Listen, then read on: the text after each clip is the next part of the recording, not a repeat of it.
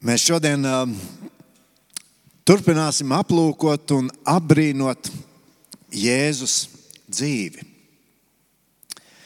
Un, uh, tie, kas jūs regulāri nākat, jūs zinat, ka mēs šobrīd uh, domājam par tādu kopīgu tēmu uh, šajās svētdienās līdz lieldienām, un tas ir uh, kam nosaukums ir pretī uzvarai.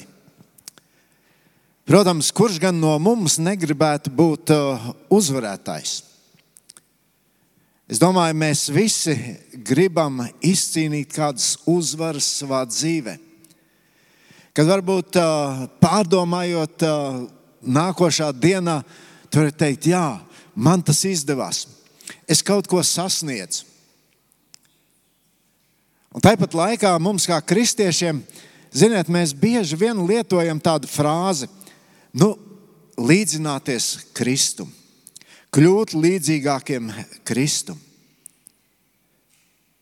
Un tas, protams, ir mūsu mērķis. Mēs par to runājam, mēs par to lūdzam.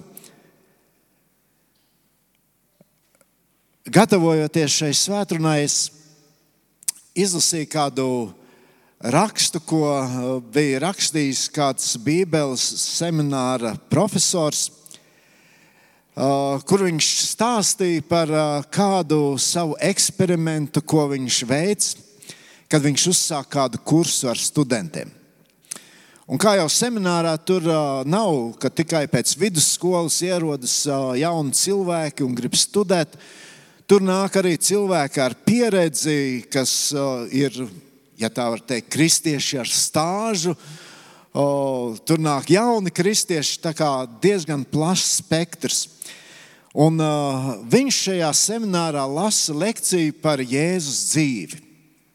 Un tad viņš parasti, uh, kad šis kurs sākas, viņš to iesāk ar tādu kontrolu darbu, jeb aptauju, kurā liek aprakstīt kādu Jēzu šie studenti pazīst. Uzrakstīt Jēzus raksturu, rakstura īpašības.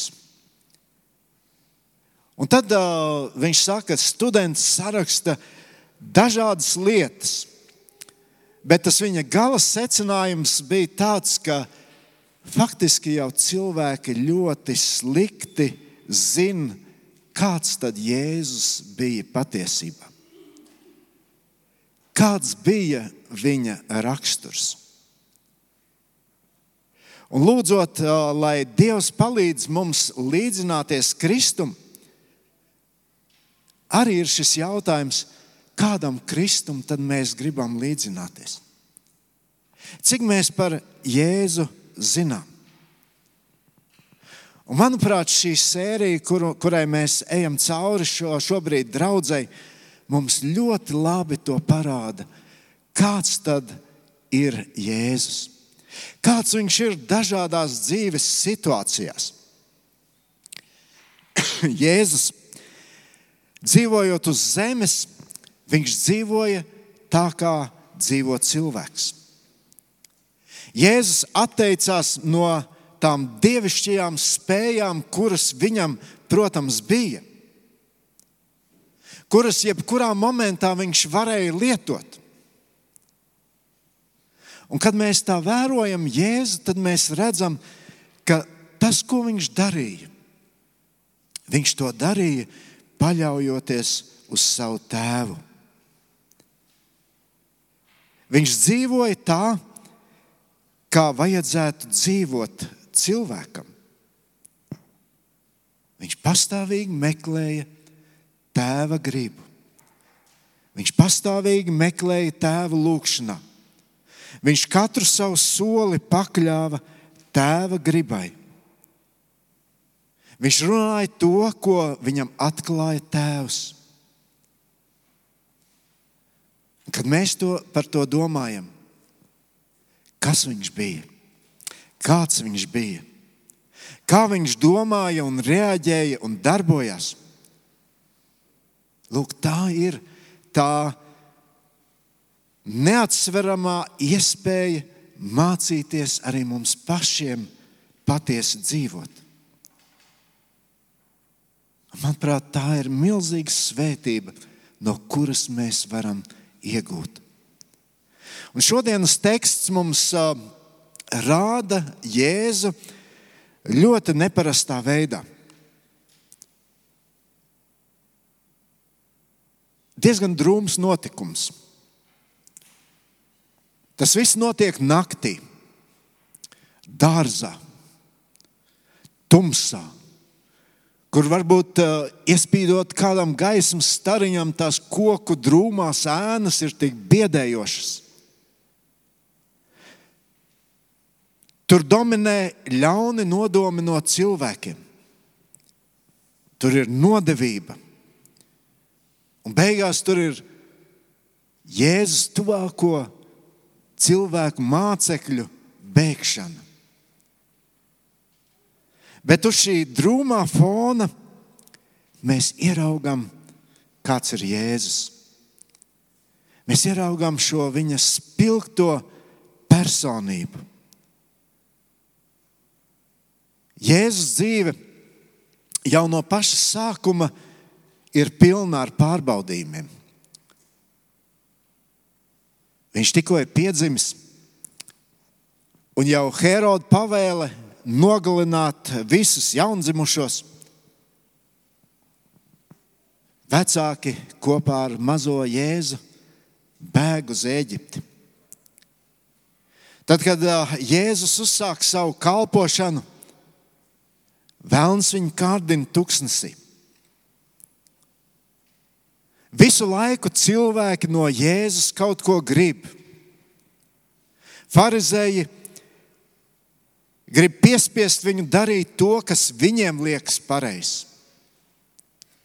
Tauta pieprasa, lai Jēzus piepilda viņu, vai, viņu vajadzības, un šīs vajadzības nepārtraukti mainās.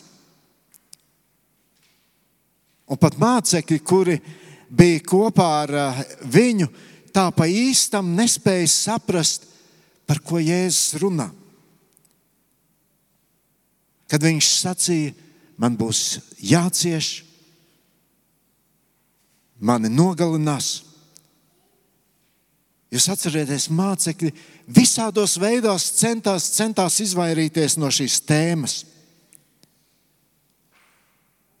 Un šie pārbaudījumi savu kulmināciju sasniedz šajā pēdējā nedēļā, pie kuras mēs pašlaik apstājamies. Jā, vēlāk Vēlāk ebreju autors par Jēzu saka, ebreju vēstulē 4.15, jo mums nav augstais priesteris, kas nespētu līdzi just mūsu vājībām, bet kā, kas tāpat kārdināts visās lietās, tikai bez grēka. Tad viņi to saprot. Bet šobrīd viņi ir tur, kur viņi ir. Jēzus gāja cauri pārbaudījumu ielām, lai parādītu mums šo iespēju, ka šādos apstākļos var dzīvot. Un tāpēc arī šai svētdienā es liku tādu virsrakstu - pārliecība vētrā. Atgriezīsimies pie šī notikuma mācekļi un Jēzus. Viņi tur ir šajā dārzā, un viņi redz, tuvojas lāpu gājiens. Un ir pilnīgi skaidrs, ka kaut kas notiks. Tajā otrajā pusē tur valda gavilis. Pharizējiem ir izdevies tas, ko viņi jau sen bija gribējuši. Mācekļi Viņi piedzīvoja, ka tas, par ko Jēzus tik neatlaidīgi runāja, ka tas notiek, ka tā ir realitāte. Kaut gan viņi to nekā negribēja pieņemt.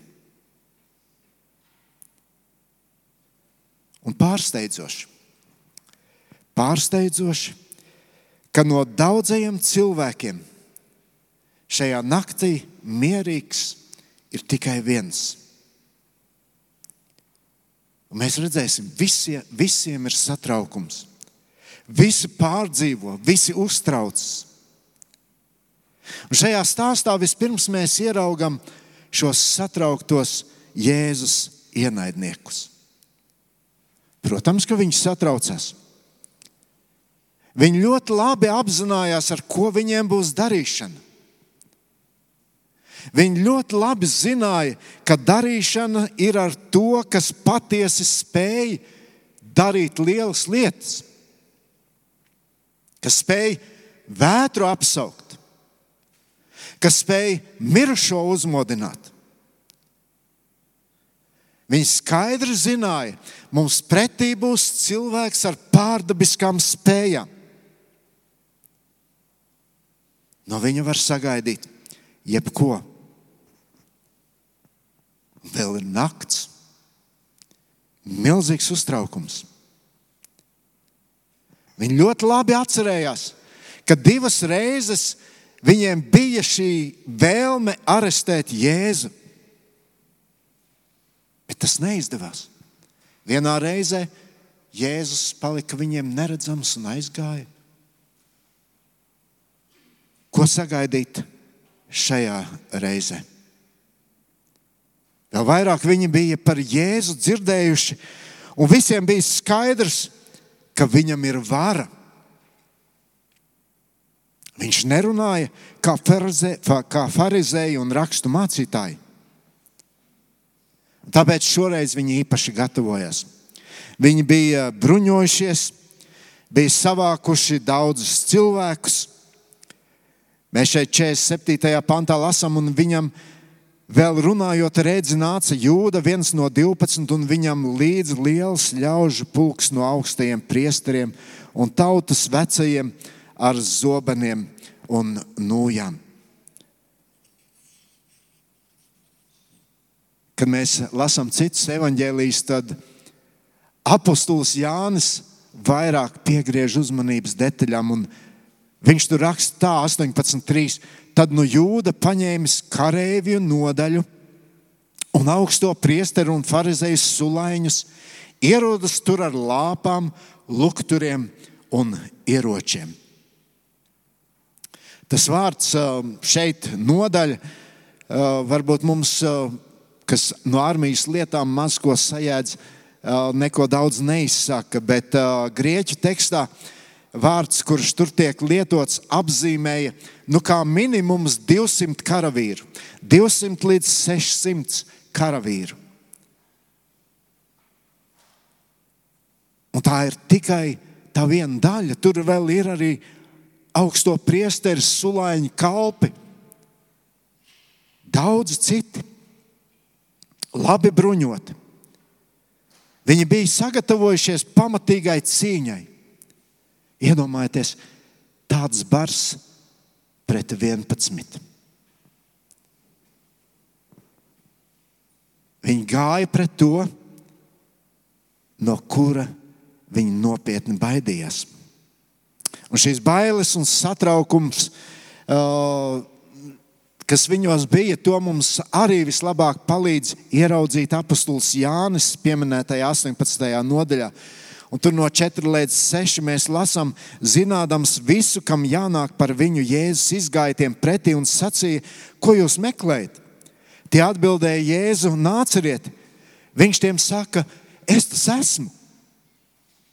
Kad nu viņš teica, es tas esmu, tie atkāpās un nokrita pie zemes.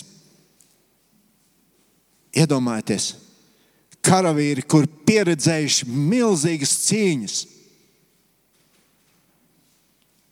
Un šeit cilvēks saka, es tas esmu. Un kaut kas viņos notiek. Tas tikai rāda šo spriedzi, kas valdīja viņos. Vēlāk viņi atjēdzās un saprata, pa, pa, kas ar mums notiek. Te taču vēl nekā nebija. Mēs pat savus zobenus neizvilkām un nelikām lietā. un mierīgs ir tikai tas, kuru nāca arestēt. Ziniet, kad Dievs kaut ko saka, tad bieži vien mēs kā cilvēki baidamies. Un varbūt Dievs saka mums kādā brīdī, klau, es tas esmu.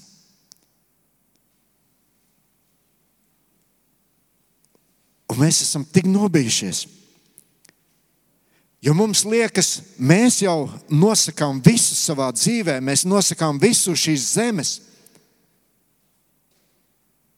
Un tāpat laikā, kad mēs dziļāk padomājam, tas nebūtu taču tā nav. Atliek Dievam teikt tikai kādu vārdu, un viss var sabrukt. Bez šiem satrauktajiem Jēzus ienaidniekiem, tur vēl mēs redzam pavisam apmulsušus Jēzus draugus. Protams, arī tur bija satraukums mācekļos.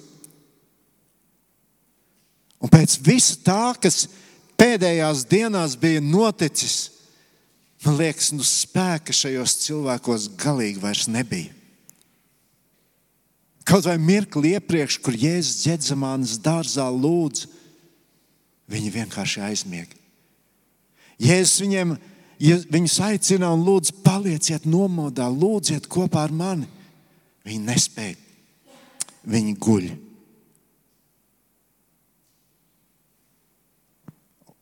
Visi evaņģēlisti, kur šis notikums ir visos četros evaņģēlijos aprakstīts, viņi uzsver, šo neapdomīgo drosmi no Pētera puses. Acīm redzot, Pēters, šis vienmēr gudrais, drošsirdīgais cilvēks, bija tā apmulsis, ka viņš nesaprata, ko dara.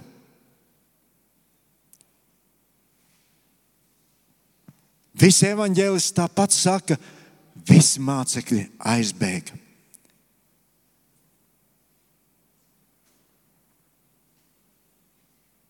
Un redz, viens no tiem, kas bija pie Jēzus, izstiepa roku, izvilka zobenu, cirta augstā priestera kalpam un nocirta viņam ausi. Tad Jēzus saka tam bāz savu zobenu viņa vietā, jo visi, kas ņem zobenu no zobena, aizies bojā.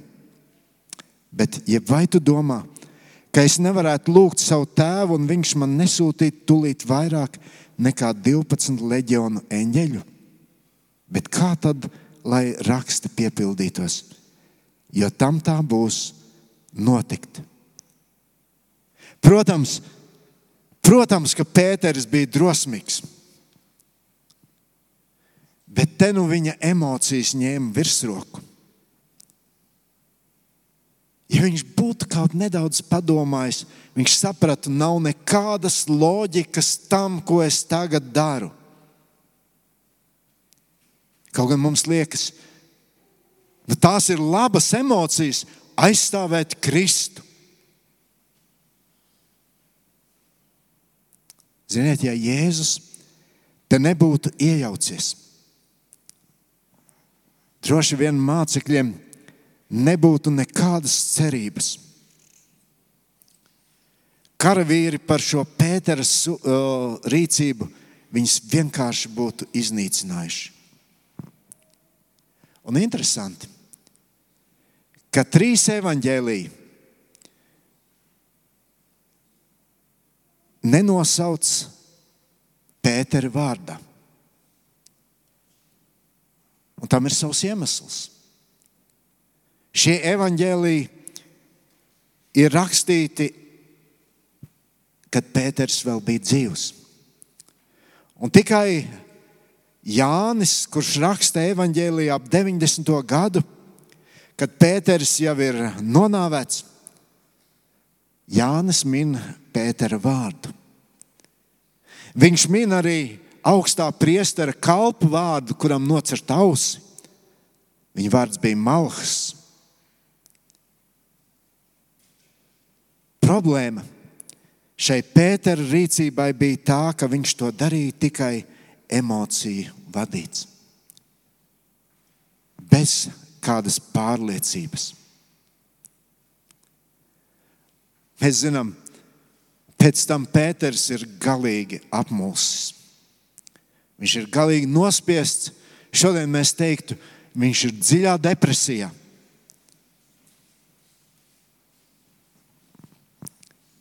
Varbūt arī mēs esam kaut ko līdzīgu piedzīvojuši. Kad tu esi savā emocijās kaut ko darījis un piedzīvojis neveiksmi, sakāvi, tā nav tā labākā sajūta. Bet tas bija stiprais, drošsirdīgais Pēteris. Un nedaudz vēlāk viņš ir tik dziļā bedrē, ka tur kāda kalpone pieiet pie viņa. Tu arī ar viņu kopā. Nē, nē, nē, nē, nē. es viņu nepazīstu. Protams, Vēlāk gan Pēters, gan pārējie desmit mācekļi, kuri bēga, šo pārliecību par patiesību ieguva. Viņi droši apliecināja Kristu. Tad viņi bija gatavi atdot savu dzīvību par Kristu. Viņi bija pārliecināti. Un uz šī drūmā fona Matejs ar gaišiem toņiem rāda mums Kristu. Cik pārliecināts, cik mierīgs šajā dzīves vētrā ir Kristus. Aresta brīdī Jēzus turpināja būt cilvēks. Un kā jau teicu, esot virs zemes, viņš atteicās lietot dievišķo spēku. Mēs redzam Jēzu nogurušu. Šī nedēļa viņa dzīvē bija tik emocionāla, bet viņš ir tik mierīgs. Es atceros vienu momentu no savas dzīves, kad um, mana pirmā draudzene man aicināja kalpošanā. Un uh, Dievu lūdzot, es biju atsaucies. Tas bija padomu laiks, 1985. gads. Un, uh, man bija jābrauc iepazīties ar reliģisko lietu pilnvaroto. Jūs zināt, kas, tie, kas tas ir. Tas bija čekas, uh, čekas virsnieks, Un uh, jebkuram, uh, kurš kalpoja draudzē, viņš viņu izsauca un gribēja ar viņu iepazīties, nolasīt, nolasīt kādas instrukcijas. Tajā laikā bija tāds biedrs liepa. Diezgan nejauks cilvēks.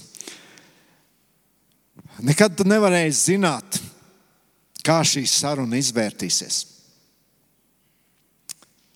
Svarīgi bija mazāk runāt, nepateikt kaut ko lieku, neparakstīt neko, nestāstīt par citiem. Sajūtas nebija tās labākās. Naktī nevarēja gulēt, rokas trīcēja, daudz lūdzu Dievu. Lūdzu, lai Dievs dod eh, mieru, bet vienalga tās sirds sitās tā, ka likās blakus stāvošais noteikti to var dzirdēt. Protams, tas ir tālu no tā, ar ko sastapās Jēzus šajā naktī. Viņš zināja, ka viņu arestēs. Viņš zināja, ka viņu mocīs pratinās, nonāvēs. Un neskatoties uz to, viņš ir mierīgs un pārliecināts.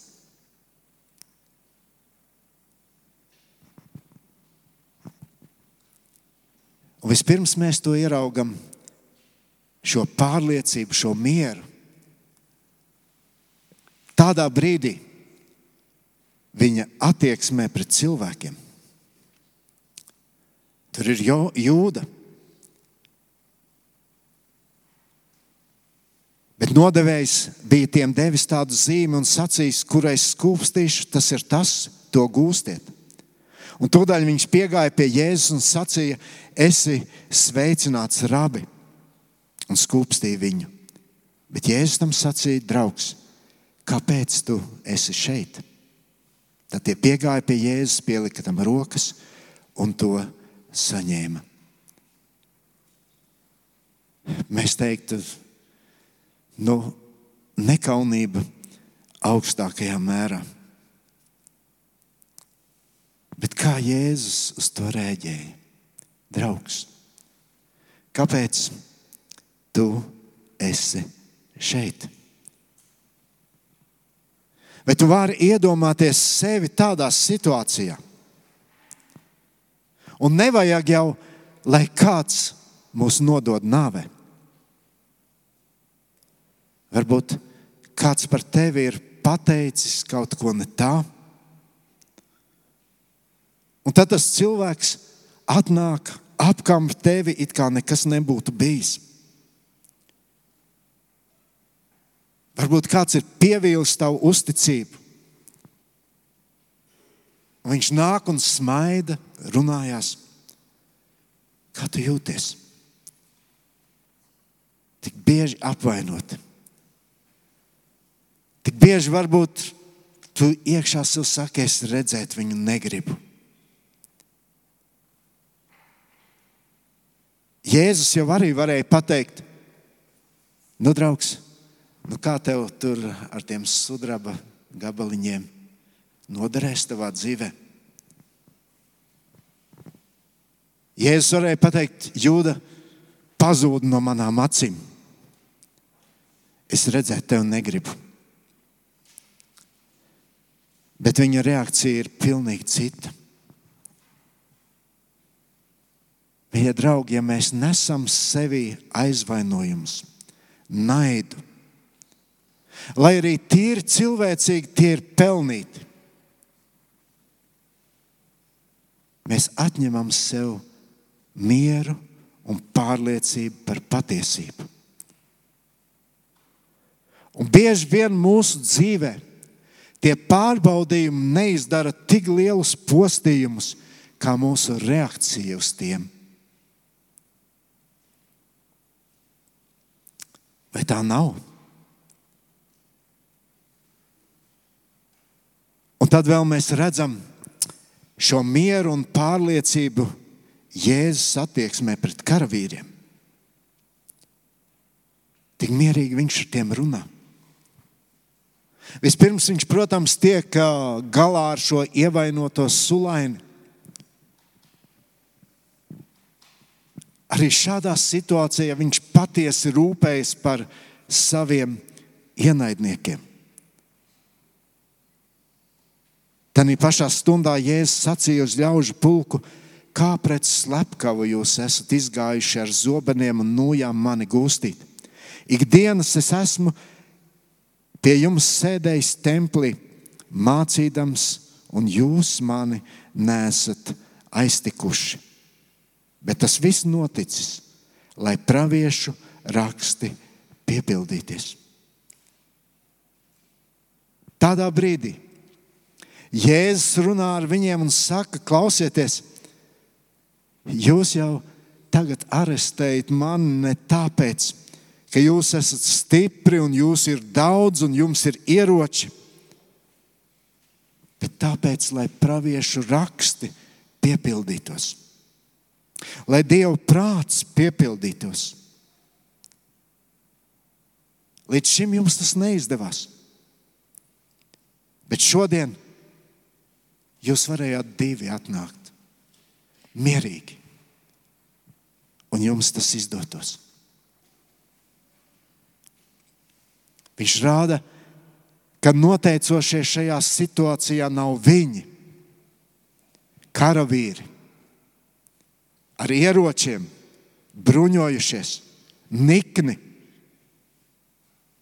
Bet noteicošais šajā situācijā ir debesu Tēvs. Un to mums tik ļoti ir jāmācās un jāmācās un jāmācās saprast.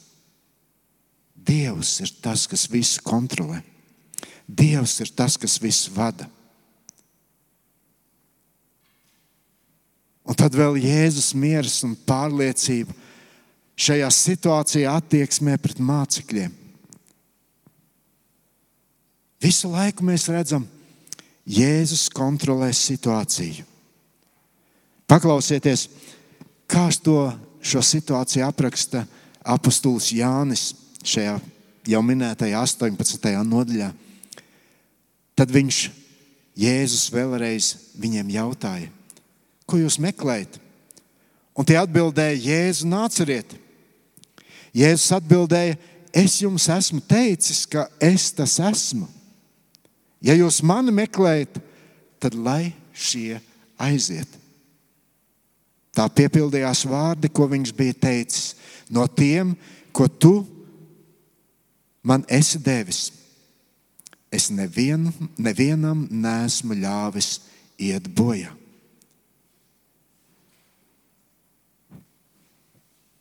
Jēzus ļoti labi zināja mācekļu bailes, kā viņi jutās.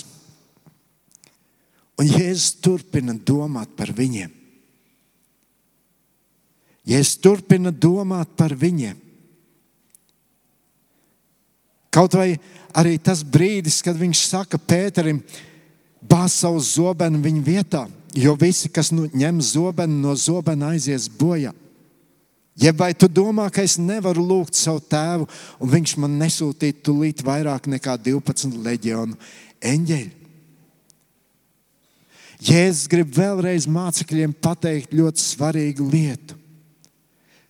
Par mani ar vardarbīgām metodēm cīnīties nedrīkst.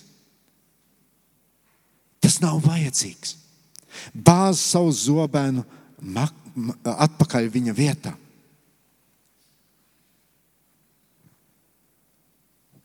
Kāpēc Jēzus varēja tā būt? Kas bija tas iemesls, kas bija šīs, šī, šīs viņa pārliecības un miera pamatā? Mums to tik ļoti noteikti gribētos no Jēzus iemācīties, vai ne? Es tik ļoti gribētu būt mierīgs, pārliecināts, pārliecināts arī tajās grūtajās dzīves situācijās, dažādās krīzēs, kurās mēs nonākam. Brīžos, kad mūs nesaprot, brīžos, kad varbūt mūs nepatie, nepatiesi apvaino. Kā to iemācīties? Un Jēzus dzīvē šajā situācijā mēs ļoti labi, labi redzam, ka Jēzus piekrīt Dieva plānam viņa dzīvē. Un, mīļie draugi, Dievam ir plāns priekš katra no mums. Un ziniet, Dievs mums dod visu nepieciešamo, lai šo plānu sasniegtu un piepildītu. Un tas, ko mēs redzam šeit, Jēzus dzīvē, ka pārliecības un miera vētrā, miera, un ka šī pārliecība un miera šajā vētrā, šī sakne ir, ka viņš šo plānu pieņem.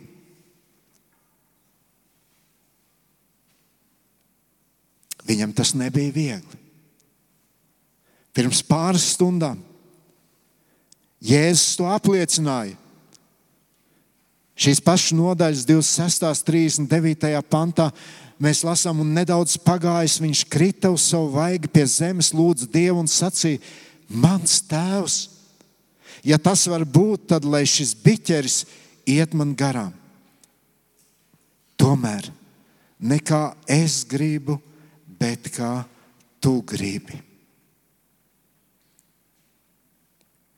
Jēzum vajadzēja nākt Dievu priekšā trīs reizes un atkārtot šos vārdus. Un miers, pārliecība ienāca viņa sirdī. Jā, Jēzus jau vienmēr piekrita tēva plānam, lai arī citreiz tas bija sāpīgi. Lai arī tas bija nērti, bija jāpiedzīvo dažādas grūtības. Bet Jēzus dzīve mums rāda, ka bez šīs piekrišanas Dieva plānam šis miers un pārliecības dzīvē nekad nebūs. Kamēr tu domāsi, ka tev vajag to un tā, kā ir Jānim, Jūrim, Annai, Dacei, vienalga, kā vārdu mēs kā vārdu sauktu, nu nebūs miera. Pieņem Dievu plānu.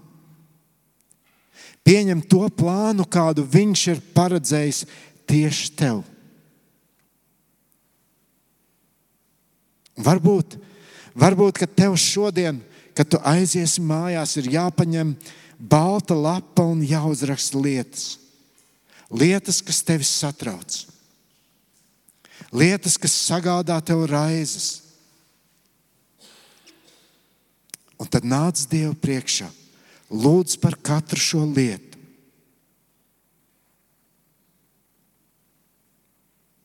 Un lūdz, lai viņa prāts notiek.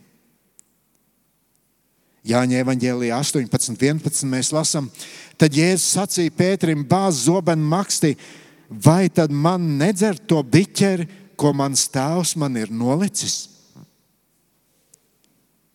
Jēzus dzīvē šī Dieva prāta pieņemšana tā notika caur lūgšanu. Un no Jēzus mierīgi un pārliecinoši iet šajā vētrā. Viņš paļāvās tēva plānam. Un vēl mēs redzam, ka Jēzus uzticējās tēva plānam. Ne tikai piekrita, ne tikai nu, ar sakostiem zobiem kaut kā, nu, kaut kā jāpacieš. Nē, viņš uzticējās. Šajos pantos, pie kuriem mēs apstājamies, mēs divas reizes lasījām šos vārdus, lai raksti piepildītos. Ziniet, kā Dievs šodien atklāja mums cilvēkiem savu plānu? Ne jau caur kādu personīgu, pārdabisku atklāsmi. Arī tas var notikt bet caur rakstiem. Caur rakstiem. Mīļie draugi, priekš tevis un manis, Dievs savu plānu mūsu dzīvēm atklāja caur savu vārdu. Un mēs sākumā lasījām Jāņa evanģēlīja 14. nodaļu. Iesākam, ja jūs mani mīlat, turiet manas pavēles. Un nobeidzam, mieru es jums atstāju. Savu mieru es jums dodu, nekā pasaule dod, es jums dodu. Jūsu sirdis, lai neizbīstas un neiztrūkstas. Jā, vēlāk mācekļi To, ko viņi redzēja pie Jēzus, pilnā mērā piedzīvoja arī paši. Un paskatieties, apakstuļu darbi, četri, ko mēs tur lasām. Kad uh,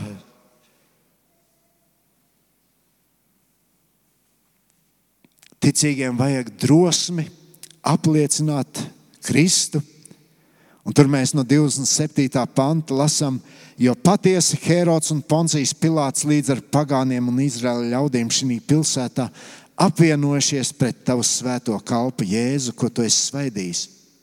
Lai darītu to, ko tava roka un tavs padoms iepriekš bija nolēmis, kam bija, ka tam tā bija jānotiek.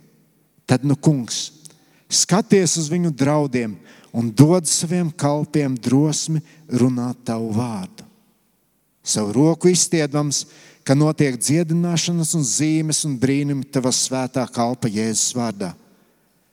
Kad viņi beidza Dievu lūgt, vieta, kur tie bija sapulcējušies, nodarbēja. Un tie visi kļūst svētā gara pilni un drošu sirdi runāja Dieva vārdus. Kādas izmaiņas? Bija pārliecība, bija miers. Viņi zināja, ka viss mūsu dzīvē notiek pēc Dieva plāna. Viņam mēs uzticamies. Viņa vārdam mēs uzticamies. Un, mīļie draugi, lai tas palīdz arī mums. Mēs katrs sastopamies ar dažādiem pārbaudījumiem. Mēs ejam cauri dažādām grūtībām, kas varbūt skar mūs tikai vienus, kas varbūt skar mūsu attiecības. Uzticies Dievam, paļaujies uz Dievu, lūdz viņu, lai Viņš tevi piepilda ar savu mieru un ar to patiesību, ko mums atklāja Viņa vārds. Lūksim, Tevis Tēvs, Tu katru no mums pazīsti un uh, Tu zini, kur mēs esam savā dzīvē un uh, tajā, ko esam piedzīvojuši.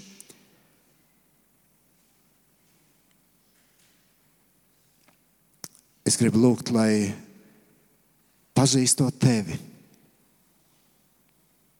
un zinot, ka tu esi liels un varens Dievs, mēs katru savu dzīvi tā pa īstam spētu ielikt tavās rokās uzticēties tev un piedzīvot, ka šis solis mūsos ienes patiesu mieru un pārliecību, ka mēs varam būt uzvarētāji. To Jēzus Kristus vārdā mēs lūdzam. Amen.